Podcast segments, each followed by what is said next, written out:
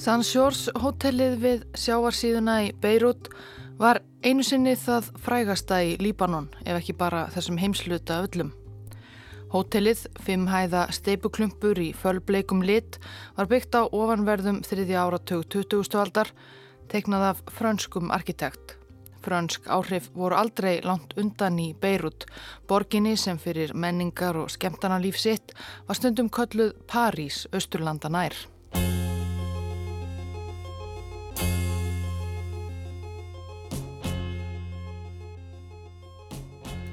Á áratugunum eftir setna stríð var Hotel St. George, veitingastæðir þess og barir, heitasti viðkomustaður bladamanna, erlendra, diplomata og njósnara og hvers konar mismenningarlegra menningarvita sem gáttu þar sötrað koktela, slúðrað og sleikt sólina á sundlugarbökkum.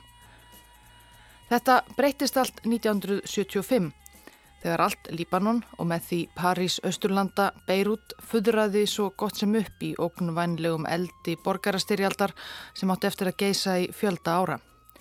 Gestir og kóttelsötrarar yfirgáfu San Sjórns hotellið sem fekk eins og svo margar aðrar byggingar í Beirut að kenna á stríðinu, fölbleikir útveikirnir, sundur skotnir og kvítmálaðar sólsvalinnar sömu leiðis. Hermenn sírlenskra stjórnvalda Sýrlendingar tóku virkan þátt í borgarstyrjöldinni eins og fleiri Erlend ríki. Þeir komu sér á endanum fyrir í mannlausu hotellinu og notuðu það sem vistarverur á meðan dvöl þeirra í Líbanon stóð. Styrjöldinni hafði loks lokið 1990 en sírlendingarnir verið áfram á hotellinu fyrirverandi lengi enn. Því þó hætt væri að skjóta og sprengja gatt Sýrland ekki sleft tökunum af Líbanon. Árið 2005 voru flestir sírlendingarnir þó loksins farnir eitthvað annað. Sandsjórs hotellið stóð eftir sem tóm skél, ítla skemmt. En þarna árið 2005 var reyndar að færast eitthvað lífi við það að nýju. Aðalbyggingin var enn tóm og í niðurníslu en hínum eigin við strandbúlevartið Kornís, fjær sjónum, var tíu hæða aukabygging hótelsins ekki eins illa farin og þar gáttu gestir nú aftur gist og guttlað með drikki á sundlugarbökkunum sem höfðu að mestu lifað af stríðið.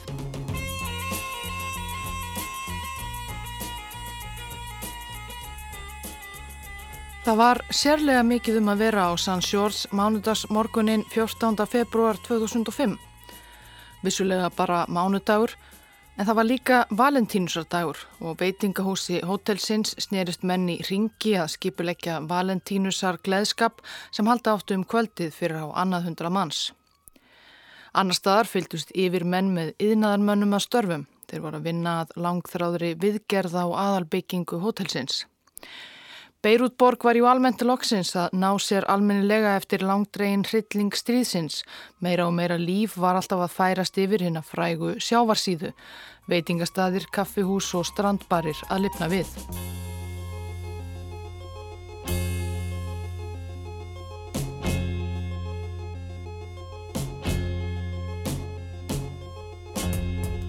Klukkan var 5 minútur í 1 eftir hátegi 14. februar 2005 Þegar eftir sjávarsíðunni í áttina að mestmægnist tómri hótelbyggingu Sandsjórs ætti bílalest sex bifriða. Grá landkrúser lauruglubifrið og fremst í flokki, svo svartur Mercedes og svo annar svartur Mercedes og sá þriðji. En sá komst ekki mikið lengra en rétt svo að hótelinu því rétt þegar annar Mercedesin og fram hjá hótelbyggingunni þá kom kveldurinn. Gríðarleg sprenging og svo var eins og sjávar síðan í Beirut væri orðin að vígvelli aftur. Á sekundu broti varð ljóst að það yrði ekki haldið upp á neitt á St. George hotellinu þennan valentínsradaginn. Eldur, reykur, brak og rústir, slasað fólk, blóðugt, deyjandi eða dáið, grátandi og örfinglað. Það var öflug sprenging sem skók St. George og næstu byggingar. Sjúkra og lauruglubílar þustu á staðinn. Þetta myndi óneitanlega nokkuð mikið á borgarstyrðisárin. Svo þegar reik og reikskíinu fóru að leta, fóru að komi ljósað þarna á göttunni við Sandsjórs hotellið hafði átt sér stað atbyrður sem var ekki bara mannskæður og harmþrungin, 22 letu lífið á þriðja hundrað slösuðust, Heldur var þetta nokkuð sem myndi mjög líklega breyta sögu Líbanons.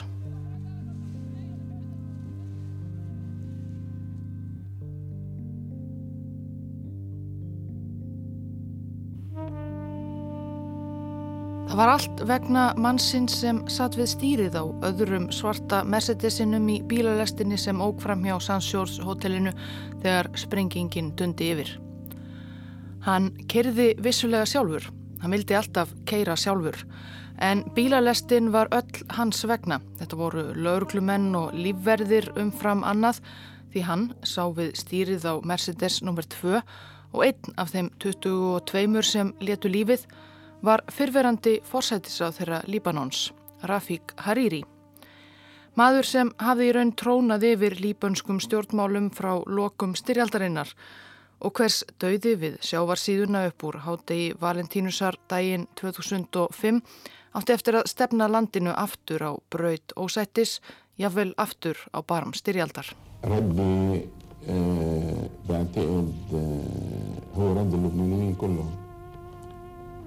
إما إنه نحن دولة يحكمها الدستور Líbanon er lítið land eiginlega á alla mælikvarða. Það er minsta almennt viðurkenda ríki á meginlandi Asíu og rétt aðeins stærra en eigin kýpur. En á þessum smáskika fyrir botnimiðjarar hafsbúa miljónir manna á hafa búið því saga síðmenningar mannskefnunar á því svæði sem nú er Líbanon nær lengra aftur en mörg þúsund ár. Líbanon ásýrjafil auðugri sögu en mörg önnu ríki nægir þar einlega bara að nefna hérna fræknu sæfara fönikíumenn sem sildu um görvalt miðjarðarhaf frá Hafnarborgum Líbanons fyrir upp af okkar kristna tímatals. Síðar fjall þetta svæði undir stjórn Rómaveldis og þegar Rómverjar ákvaðu að taka kristni urðu fjöll Líbanons Því þetta er fjallend svæði þessi smáskiki við austurströnd miðjararhafsins, milli Sýrlands og því sem nú er Ísrael, eiginlega bara einn fjallgarður. Þá urðu fjöll Líbanons Kristinn mjög. Afkomendur fönukjumannana fornu reyndust margir óðir og uppvægir að taka þessa nýlegu trú. Og það af því líkum hitta þegar herir fylgjenda arabíska spámannsins Múhameðs komu askvaðandi með sverð á lofti suður af söndum Arabíuskagans á sjöundu öld, þá tókst fyrðu mörgum af kristnum íbúum þess sem síðar varð Líbanon að halda trúsinni, kristninni. Líbanska Maronítakirkjan, svo kallaða, er í dag undir henni alþjóðlegu kathólsku kirkju. Lengst af voru maronítar áfram meiri hluti íbúa í líbönsku fjöllunum þó svo múslimar gerðust þar einnig aðsópsmiklir og arabísk tunga þeirra yrði á endanum ofan á sem tungumál líbansk almennings. Fleiri trúarhópar urðu líka til í þessum suðu potti. Sérstaklega ber þar að nefna drúsa sem einnig heldu helst til í fjallendi landsins. Drúsar eru korki kristnir nýja múslimar Trú þeirra byggist á ymsu úr Íslam en einnig dulsbeggi og grískri heimsbeggi og var til upp úr aldamótunum þúsund. Ottoman Tyrkir lögðu Líbanon undir sig eins og stóran hluta þessa heimsluta á 16. öld og heldu því allt fram að falli heimsveldi síns eftir fyrri heimstyrjöld. Þá fjall Líbanon undir stjórn frakka sem þar réðu lögum og lofum allt fram að næsta stríði.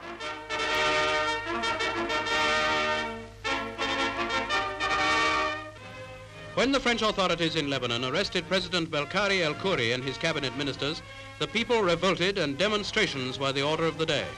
The British and American governments were disturbed at the turn of affairs and the situation became hourly more acute. 1941 byrjuðu frjálsir frakkar að stefna að sjálfstæði Líbanons. Í september 43 var Líbanum leift að kjósa sér ríkistjórn. Sjálfstæði sinnar með Maronítan Bekara El Kúri í forsæti báru sigur úr bítum og í november þetta sama ár lístu El Kúri og félagar einhliða yfir sjálfstæði Líbanons. Frakkar brúðust við með því að henda El Kúri forsetta og ráþeirum hans í fangelsi. Það vakti skiljanlega reyði meðal sjálfstæðis þyrstra Líbana sem þustu út á götur. Ráþeirunum var þá fljótlega sleft úr haldi við mikinn fögnuð almennings Þetta var 22. november 1943 sem nú er álitin þjóðháttíðadagur Líbanons. Þarna fjöruðu yfiráð frakka yfir landinu eiginlega út.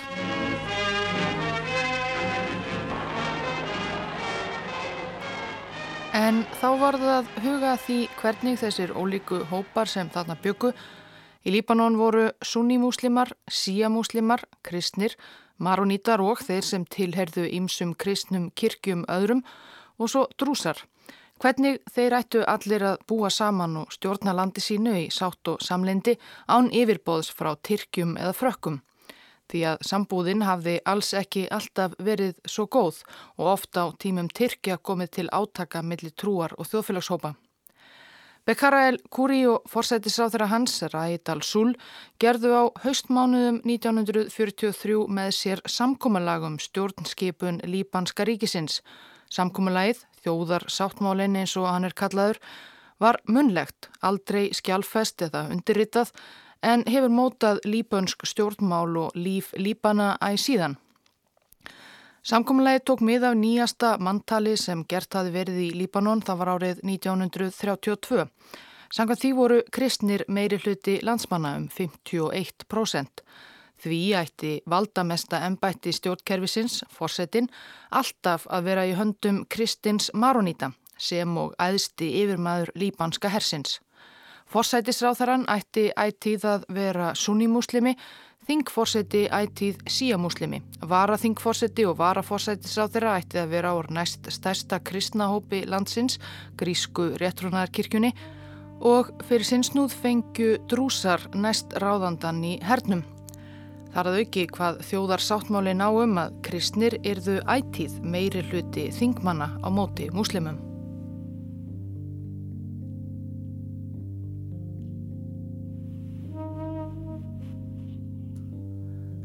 En aftur að sjáarsíðunni. Sá sem satt við stýrið á svarta Mercedes nr. 2 í bílalestinni sem óg fram hjá San Shores hotellinu upp úr hátegi á Valentínusardaginn 2005 hétt Rafik Hariri og var 60 þegar hann lest. Hann var fættur í fjölskyldu sunni muslima í november 1944 í Síton, æfa fornri líbanskri Hafnarborg. Hariri var elstur þryggja sískina Fadurinn var appelsínubóndi og gatt rétt svo séð fyrir fjölskyldu sinni. Rafík var félagslindur, piltur og afbörða námsmaður. Svo mjög að hann treyði sér skólastyrk frá íslömskum góðgerðarsamtökum til að geta farið í mentaskóla þrátt fyrir fátækt fjölskyldunar. Hann var líka áhuga maður um pólitík frá unga aldri. Á táningsaldri á sjötta og sjönda áratögnum heitlaðist hann eins og margir múslimar Líbanons á þessum tíma að byltingaranda arabískrar þjóðernistefnu sem fór eins og eldur í sínu um miðaustulönd á þessum tíma, lönd eins og Egiptaland, Sýraland og Írak. Strax á sjötta áratögnum hafði samsetning líbansks þjóðfélags líka breyst tölvert. Á þeim fáu árum sem voru liðin síðan landið var sjálfstætt og fyrsti fórsetin og fyrsti fórsætis ráþeirann gerði með sér þjóðarsáttmálan. 1948 nefnilega hafði Ísraels ríki verið stopnað sunnan við Líbanon og yfir landamærin stremdu palestínskir flottamenn sem höfðu mist heimili sín og land í hendur síónista. Flóttamennir voru margir allslausir og æfa reyðir en fæstra beigð mikið betra í Líbanon nema kannski þeirra sem voru svo hefnir að eiga ættingja eða vini fyrir í landinu. Fólkinu var almennt trúað í stórar flóttamannabúðir hér og þar um landið og þau höfðu takmörku tækifæri til að komast inn í hið eiginlega líbanska samfélag. Rafik Hariri létt þó námið ættið ganga fyrir stjórnmálastarfi en það var hann, sögðu þeir sem hann þekktu á þessum tíma, harð ákveðin í að komast út úr fátæktinni sem hafi ríkt í fjölskyldu hans kynnslóðum saman. Eftir mentaskóla flutti hann til Beirut og las endurskoðun í einum háskólana þar. Hann gifti sig í röskum skólafélaga og þau eignuðust barn. Til að ná endum saman vann hann sem prófarkalesari með námi en það var ekki vænlegt til frambúðar svo að Hariri helt annað.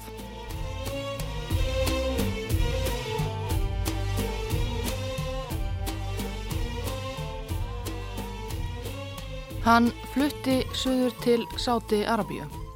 Það gerðu margir líbanar á þessum tíma sem dreymdi um að komast yfir þó ekki nema örlítinn hluta af þeim gríðarlegu óljuauðæfum sem um allt flættu í sáti. Hariri byrjaði sem stærfræðikennari í Hafnaborginni Jeddah en stopnaði svo með tímanum sitt eigið verktakafyrirtæki. Businessin gekk brösulega í fyrstu en loks 1976 datt Rafik Hariri í lukkupottin. Í félagi við annan sátískan verktaka fekk fyrirtæki Hariris það verkefni að byggja luxusvillu fyrir eina af mörgum eiginkonum Khaleds konungs Sáti Arabíu. Heima í Líbanon bjó fjölskylda Hariris, eiginkona og þrýr sinir í pínulítilli íbúð með stórfjölskyldunni og eldaði yfir kólaeldi. En laun Hariris af verkefninu fyrir konungsfjölskylduna voru svo mikil að eftir að hann hafði tryggt þeim betra heimili og borgað allar skuldir sínar átti hann nóg eftir til að kaupa sér engaþótu. Árið eftir byggði Hariri luxushótel fyrir Khaled Konung. Kongsi var svo ánaður að hann veitti Hariri sátískan ríkisborgararétt og fyrirtæki hans sáti óger hvert verkefnið á fætur öðru. Og Hariri grætti á tá og fingri. Aðeins fimm árum eftir hans fyrsta verkefni fyrir sátakonung var Hariri orðin marg miljardamæringur með puttana ekki bara í byggingastarsemi heldur einnig böngum og útgáfufélagum og hreinlega orðin einn af ríkustu mönnum heims. Það gekk sumsi ansi blómlega hjá honum en heima í Líbanon var öldin önnur.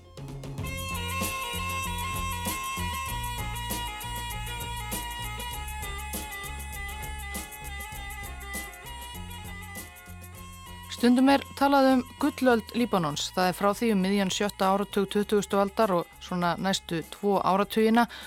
Það er tíminn sem allt blómstræði. Beirut var miðstöð fjármála og menningar og ferðamála í þessum heimslauta. París, Östurlanda eins og Klísjan segir. Líbanon var markaðsett sem friðsælt land, þróað og vestrænt þar sem hægt væri að stunda verslun og viðskipti óhindrað, skýða í fjöllunum og sóla sig á ströndum miðararhafs og sötra koktela á hótelum eins og San Sjórns við sjávarsíðuna í Beirut. Í stjórnmálarlífinu var þó ekki eins friðselt. Þrátt fyrir þjóðarsáttmálan voru stöðugar deilur millir stjórnmálarleðtoga Kristina Líbana sem litu til vesturs og múslima sem vildu margir frekar horfa til Araparíkja eins og Egiptalands og Sýrlands. Svo voru það palestínsku flottamennir sem um miðbygg 8. áratögarins voru orðnir nærri því half miljón talsins í þryggja miljóna manna ríki. Herskáar fylkingar palestínumanna hafðum um hríðhaft bækistöðvar sínar í Jórdaníu þar sem einning var fjöldi palestínskra flottamanna og verið jordönskum stjórnvöldum hortn í síðu eftir að liðsmenn palestínsku reyfingarinnar PFLP rændu fjórum farþegaþótum í septemberbyrjun 1970 og lendu þeim á jordönskum herflúvelli, þá var jordönum svo loks nóg bóðið. Húsein Jordaníu konungur kallaði hersinn út gegn palestínumannunum á nokkrum dögum um miðjan september, svarti september hefur hann verið kallaður síðan, þá hrakti jordanski herin palestínska vígamenn burt úr jordönskum borgum og bæjum. Þeir komi sér þessi stað fyrir í Líbanon og gerðust þar fljótt aðsóksmiklir. Frelsis samtök Palestínu, PLO undir stjórn Yassers Arafat, réðu fljótt lögum og lofum í flottamannabúðum palestínumanna í Líbanon og stjórnuðu í raun í stórum hluta sunnanverðs Líbanons.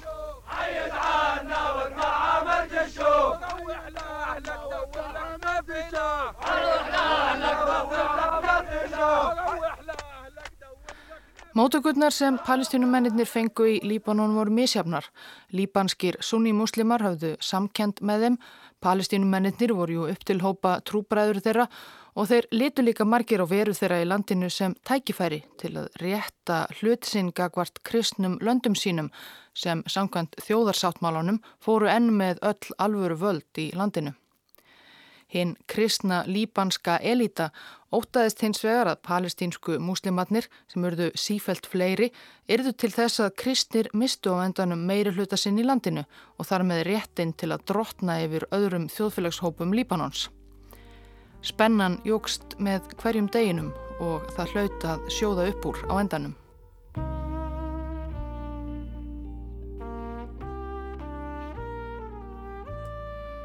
13. apríl 1975 kom til skotbardaga millir hóps Vígamanna Pétlo sem ógu aðeins of gladbeittir með vopn sína á lofti í rútu fram hjá Maronítakirkju í austanverðri Beirut þar sem verið var að halda skýrnaratöfn og vopnaðara varða sem tilherðu helsta harðulínu hægri flokk Maroníta, falangistaflokkinum. Falangistaflokkurinn var stopnaður 1936 fyrst þeim ungliðarhefing eftir að stopnandin Pierre Jamael ferðaðist um Evrópu og heitlaðist af öguðum fasistarhefingum í Þískalandi á Spáni og Ítalju. Síðar hafði hreyfingin orðið að stjórnmálaflokki sem var eitt sá helsti meðal líbanskara maronita. En hversu margir fjallu í skotríðinni þarna fyrir utan kirkuna 13. apríl 1975 úr báðum fylkingum Það er umdelt enn í dag en rútudrápin, svo kulluðu, eru gerðnan álitin neistinn sem kveikti bálið sem átti eftir að brenna í Líbanon næstu árin.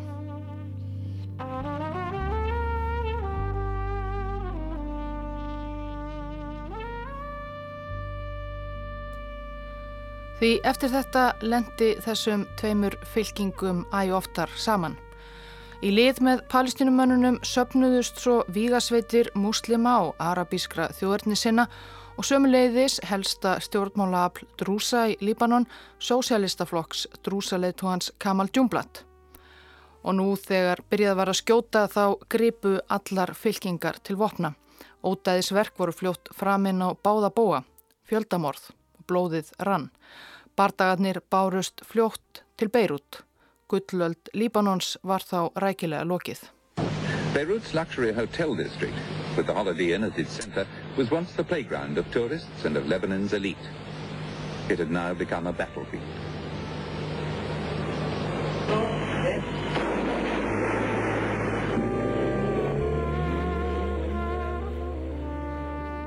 Líbönsk stjórnmál, saði einhver einu sinni, eru eins konar borðspil sem að grannríki Líbanons spila.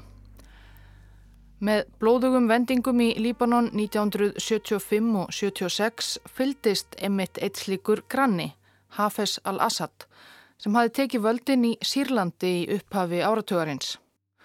Þegar honum þótti sem sveitir Kristina Líbana væru að verða undir í baráttunni, þá sá hann í þeirri stöðu bæði áhættu og tækifæri. Hættan væri að Ísraelar myndu kannski blanda sér í styrjöldina til að styðja kristna lípana gegn palestínumönnum og bandamönnum þeirra. Assad leist ítla og tilugsunina um að fá Ísraelska hermenni allra næsta nágrenni.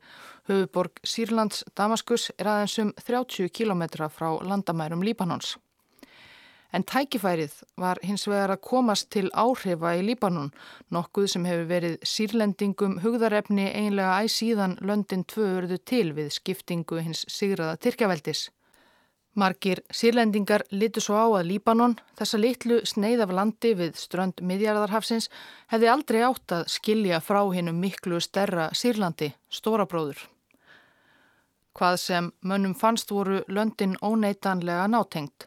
Þegar það rignir í Sýrlandi, saði einhver líka einhver tíman, þá taka líbanar upp reglífarnar. Week, Lebanon,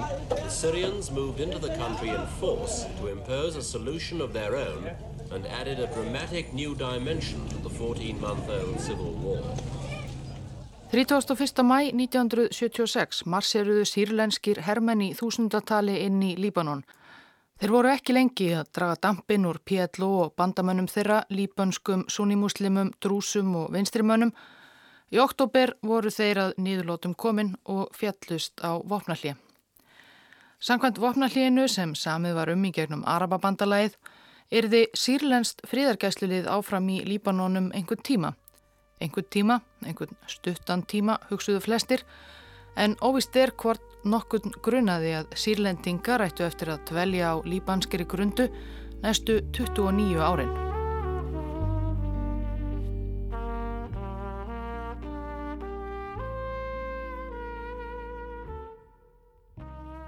Um þetta leiti var Rafi Kariri að byrja að sankaða sér auðæfum með verktakastörfum fyrir sátísku konungsfjölskylduna, hótel og vilubyggingum. Hluta auðafa sinna varði hann heima fyrir. Hann gaf til uppbyggingar og ímissa góðgerðamála Honum var að mati allra sem þekktu hann þarna mjög umhugaðum að gefa aftur til heimalandsins, mjög meðvitaður um að sjálfur hefði hann komið úr engu. Hann endur byggði gamla skólan sinn í Sítón og stopnaði sjóð sem veitti fátækum líbönskum námsmönnum skólastyrki, sjóð ekki ólíkan þeim sem hann sjálfur hafði notið góðsaf á námsárum sínum. Eftir vopnallið við sírlendinga var enn ósætti meðal hérna ímsu fylkinga sem líbanar höfðu skipað sér í. Róstur heldu áfram hér og þar um landið, óhæfu verk og morð og vígamenn Pétlo voru áfram á sínum stað í sunnanverðu Líbanon sem þeir notuðu sem eins konar bækistöðvar til árása á höfuð óvinnin Ísraelsríki rétt handan við landamæralínuna. Það var Ísraelum auðvitað til mikillar gremju. Þeir hefðu átt í erjum við Pétlo við landamærin lengi en svo var loksins komin tími til að láta knið fylgja kviði.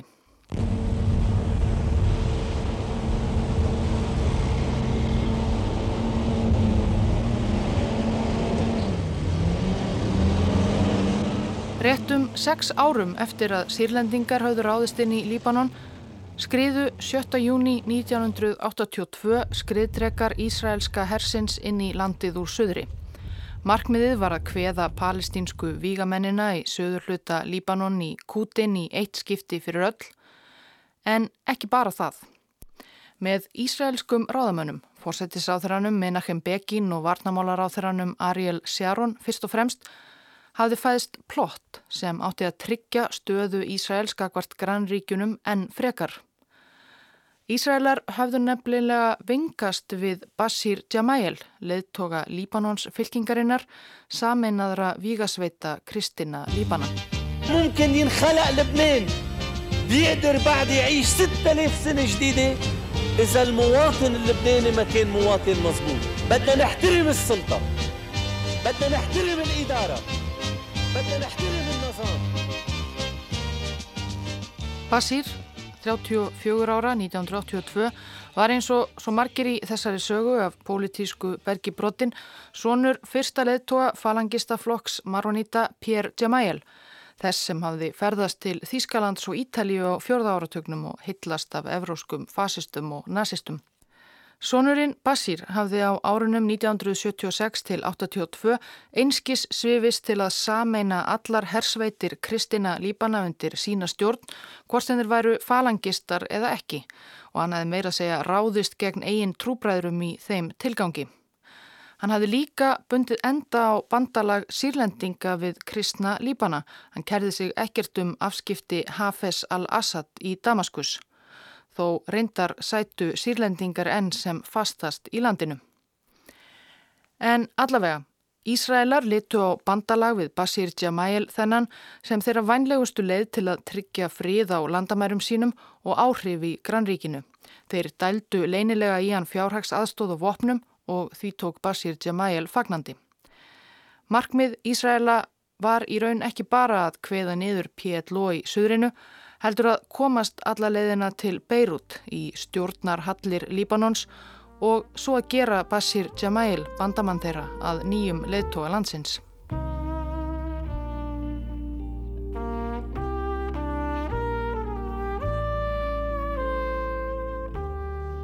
Svo að þegar Ísraelsku skriðtrikarnir mættu á svæðið í júnibyrju 1982 börðust menn Basir Jamails óðir og uppvægir við hlið Ísraela Nú letu Ísraelar sér ekki sunnanverti Líbanon næja heldur heldu áfram til Beirut. Ísraelar og kristnir líbanskir bandamenn þeirra settust um borgina sem hafi þurft að þóla svo margt nú þegar.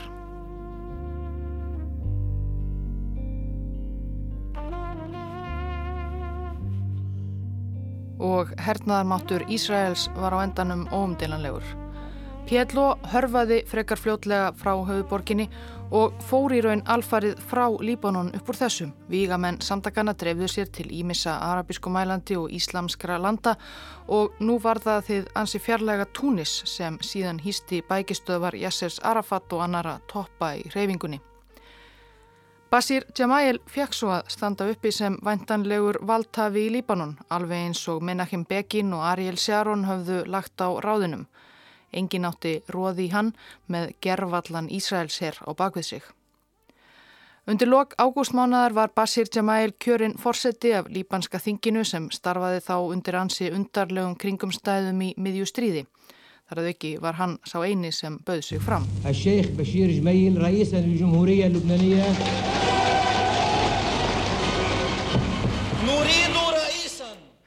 Hann lofaði öllu fórum að leggja til liðar krettuhyggjuna og vopna dyrkunina sem hafi enkjent fyrir hans í pólitík og stríði til þessa já og öll síðustu ár Líbanons og vinnaði því að sameina líbönsku þjóðina á ný. Ef hann hefði tekið formlega til starfa hefði hinn 34 ára Basir orði með yngstu þjóðarleitugum en hann fekk aldrei að taka til starfa, hvað þá reyna að efna fögur fyrirheit sín.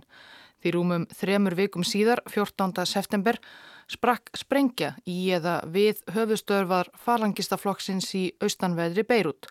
Basir Jamail létt lífið og 26 flokksfélagar hans. Líbanskur arabískur þjóðetnisinni var sagaður um tilræðið en marga grunaði að Sýrlandstjórn hefði lagt á ráðinn eða borgað brúsan. Í það minnsta var tilræðismæðurinn hlindur áframhaldandi veru sírlendinga í Líbanon. Jamail hafði jú snúið baki við Sýrlandi og farið til Ísraela í staðin. En Hvað sem tíliður þá hafði hið mikla plott Ísraela, Begins og Sharon og félaga verið algjörlega upp á það komið hversu mjög þeir höfðu stíið í vangin við Basir Jamail, bara hann persónlega. Án hans fjall allt einhvern veginn um sjálft sig.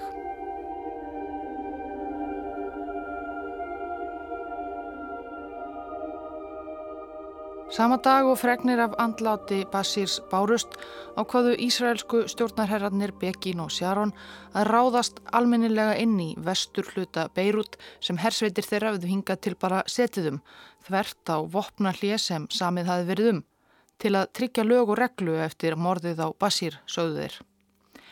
Og enn með sér í liði hafðu þeir hersveitir hinn að líbönsku falangista sem nú sirðu fall leðtoga síns Basir Jamails hins unga eða titruðu af reyði.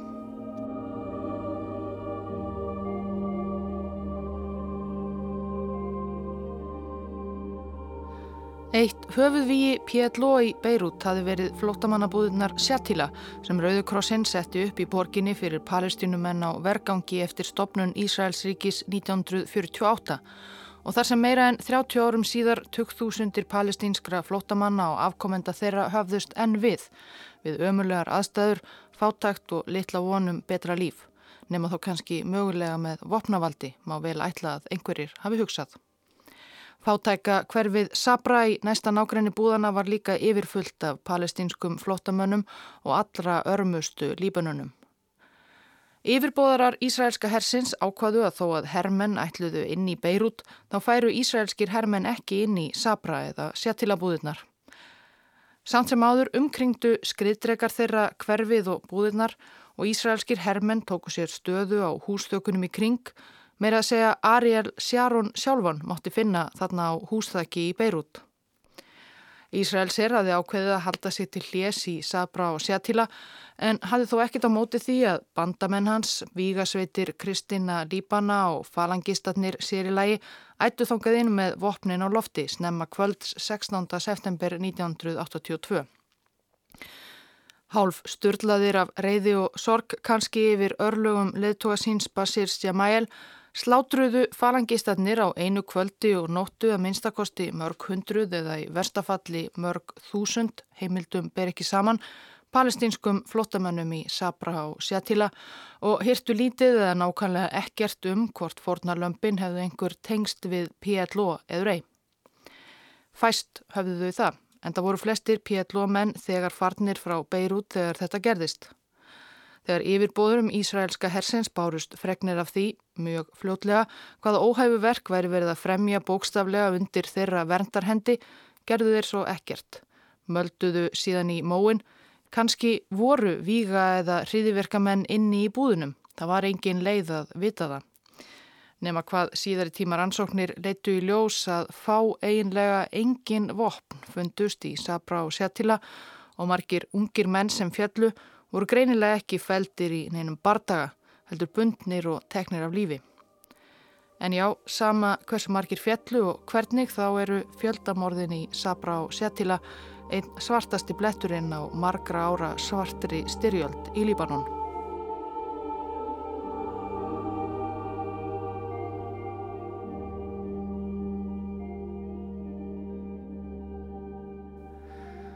En enginn þurfti að svara fyrir það fyrir en löngu setna.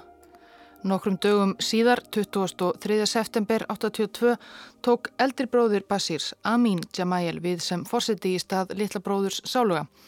Líbönsk stjórnmál eru eins og víða annar staðar svo sem mikið til fjölskyldu spursmál. Amin Jamayel var reyndar ekki alveg sami eldibrandur eða Ísraels vinnur og litli bróðir.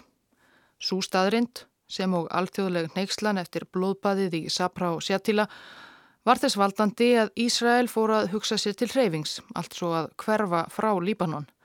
Það átti reyndar eftir að taka tíman sinn, en síðla árs 1982 var skamvinri innrás Ísraela alltjönd lokið og það fór eitthvað í líkingu við ró að færast aftur yfir þetta stríðsjáða litla land, Líbanon.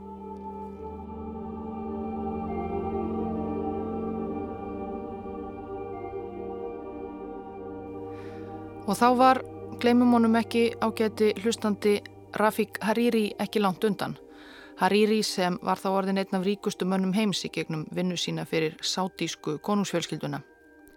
Hann hafði alltaf fylst með málum heima í gamla landinu og í gegnum borgarastyrjöldina.